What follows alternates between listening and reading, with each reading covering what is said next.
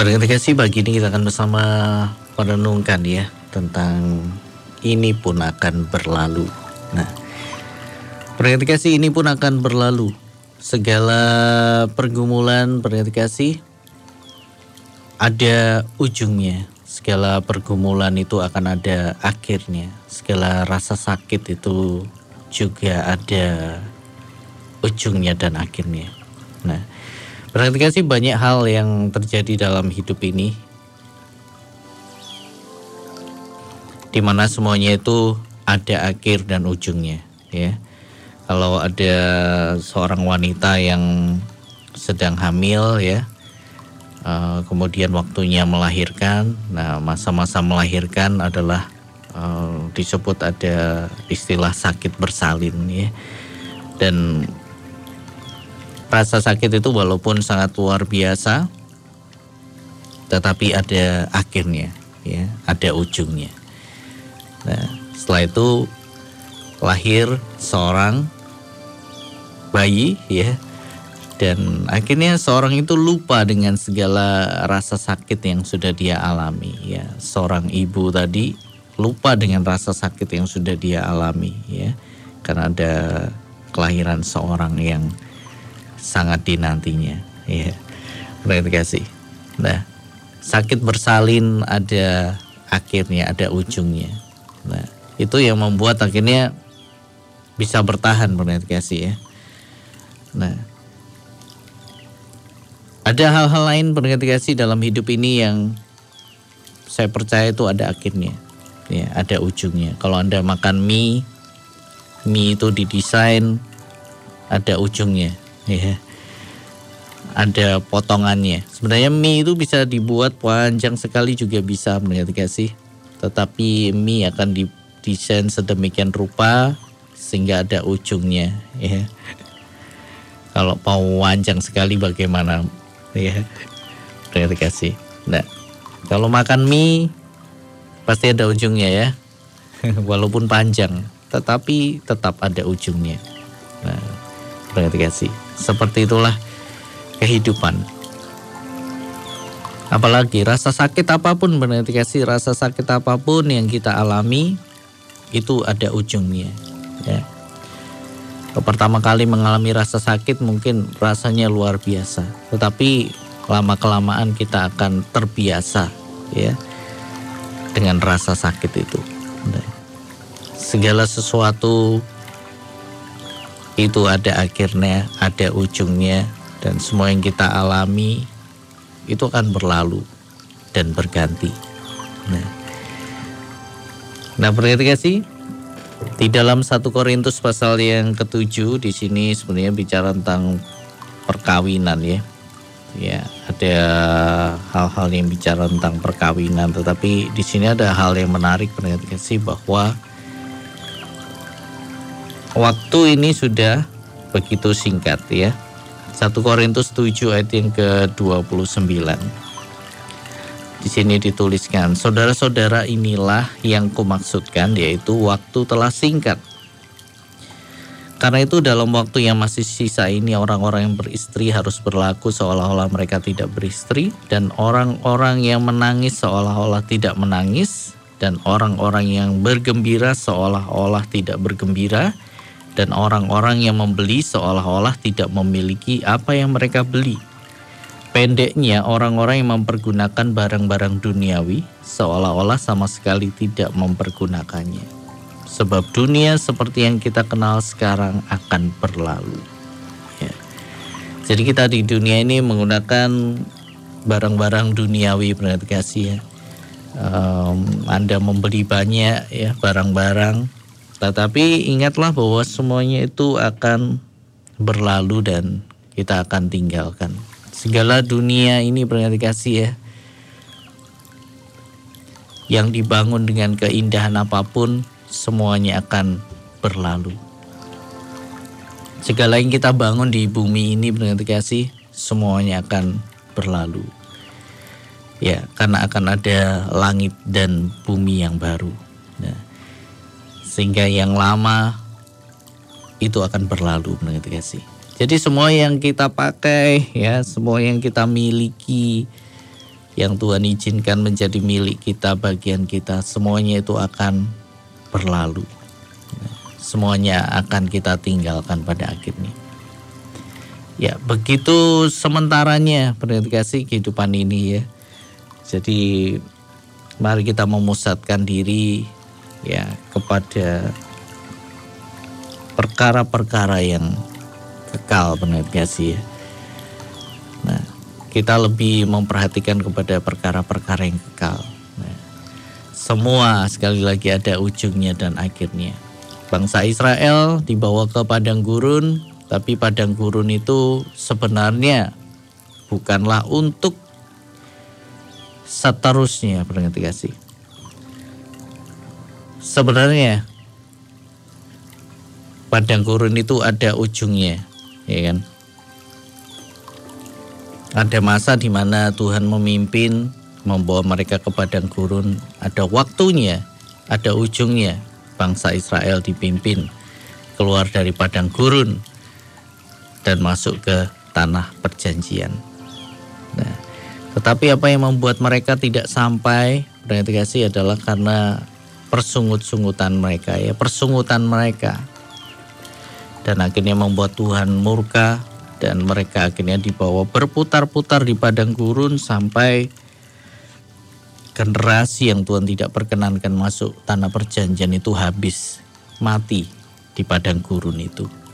Ya, tapi kalau sebenarnya mereka taat padang gurun ini ada ujungnya berarti kasih.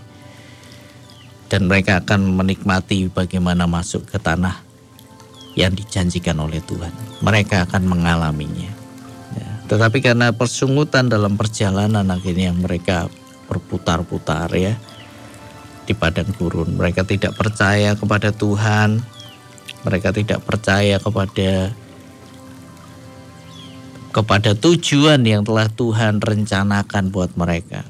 Ya, mereka tidak percaya dan akhirnya generasi yang tidak diperkenankan Tuhan masuk ke tanah perjanjian dibawa berputar kembali di padang gurun sampai mereka mati. Baru generasi yang ada di generasi selanjutnya yang akhirnya diizinkan masuk ke tanah perjanjian. Nah, berarti kasih. Ini adalah hal yang menggambarkan bahwa padang gurun pun ya di padang gurun ya suatu kehidupan yang sulit tapi Tuhan ada di sana ya. Satu medan yang sulit tetapi Tuhan selalu menyediakan segalanya dengan ajaib ya. Segala medan itu ada ujungnya benar kasih ada akhirnya.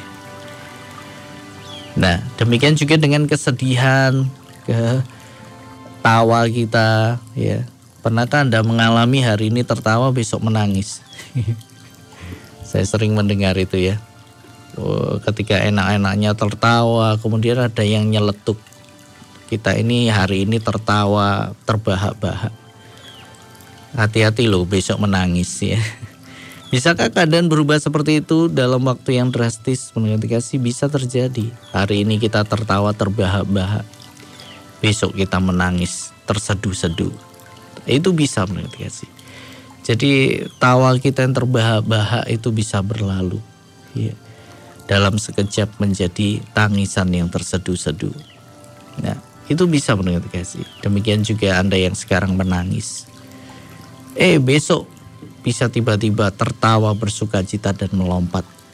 Ya, karena pertolongan keajaiban Tuhan yang luar biasa bisa terjadi bisa menurut kasih ya jadi ketika kita ini memandang bahwa segala sesuatu itu ada akhirnya bahwa segala sesuatu akan berlalu nah itu akan membangkitkan satu kekuatan dalam hidup kita menurut kasih nah.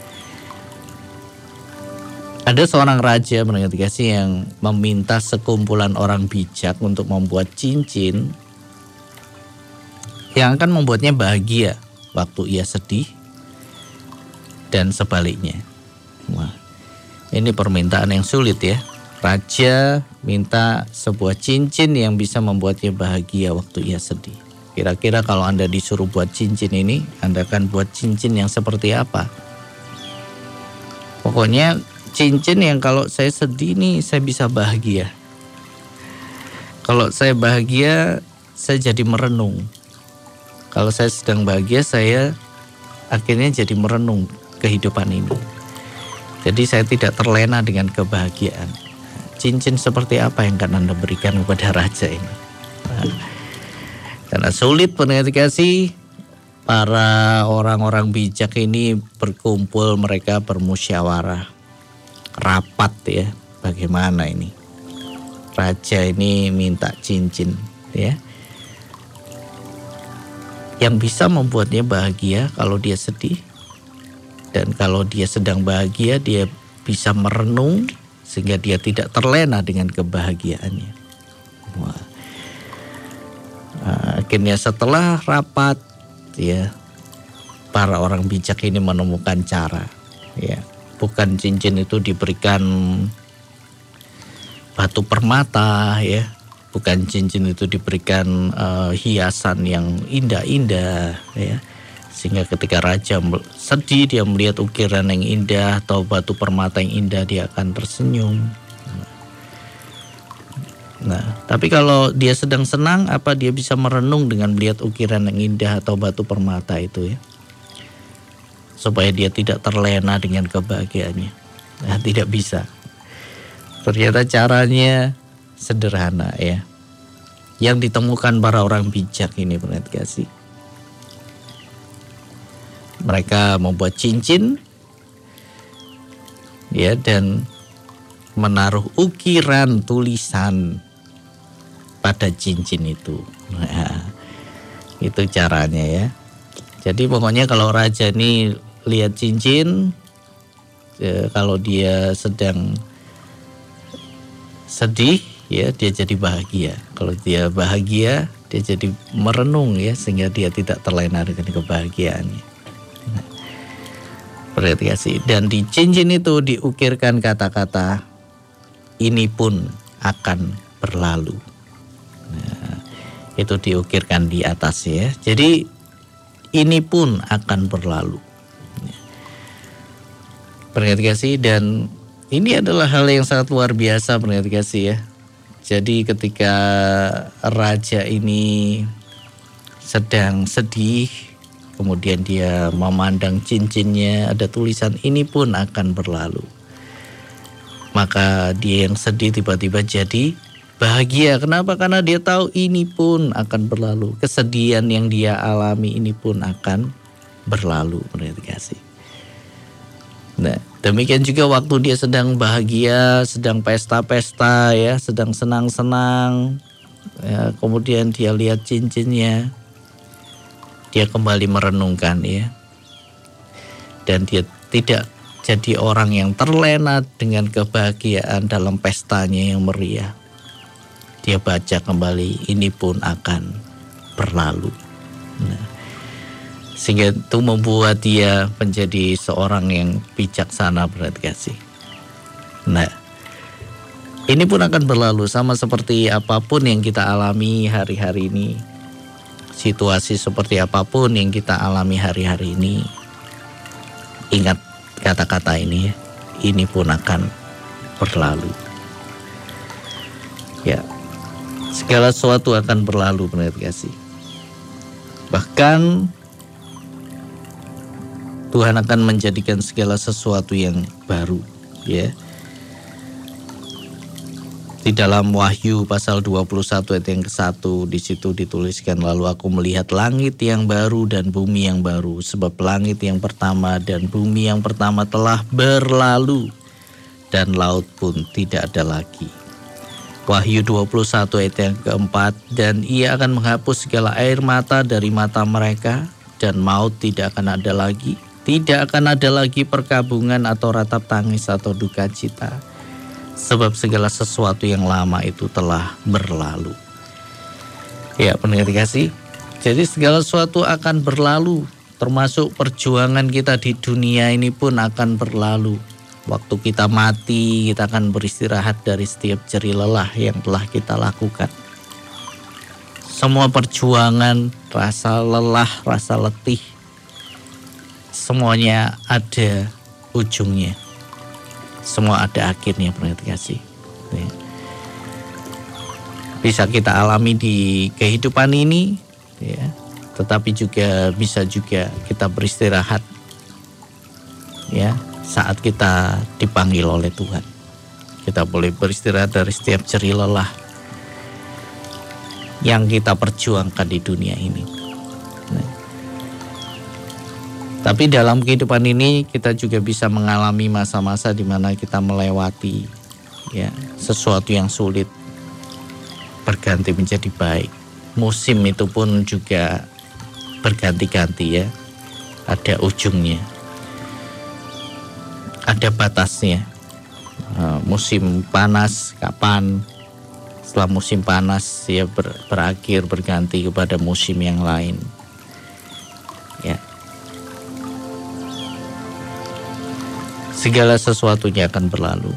Nah, jadi pendengar kasih apa pun yang kita alami hari ini rasa sedih ya, rasa perasaan yang tidak mengenakkan ya, rasanya kok sulit dan lain-lain ya. Atau apa pun kepedihan yang kita alami semuanya akan berlalu. Selalu ingat ya, panggil kembali memori di mana Tuhan pernah menolong kita ya panggil memori di mana Tuhan selalu ada bersama dengan kita. Kasih. Ya, panggil memori-memori yang baik, yang mengingatkan kita kembali akan Tuhan. Nah, kita melihat bahwa di masa lalu pergumulan seperti apa pun, kesulitan seperti apa pun, toh ternyata ada ujungnya ya. Kesusahan seperti apa pun, toh ada ujungnya kesulitan seperti apa pun toh hari ini kita melihat ada perubahan yang luar biasa kasih. Ya, semua ada ujungnya, semua ada akhirnya, semuanya akan berlalu.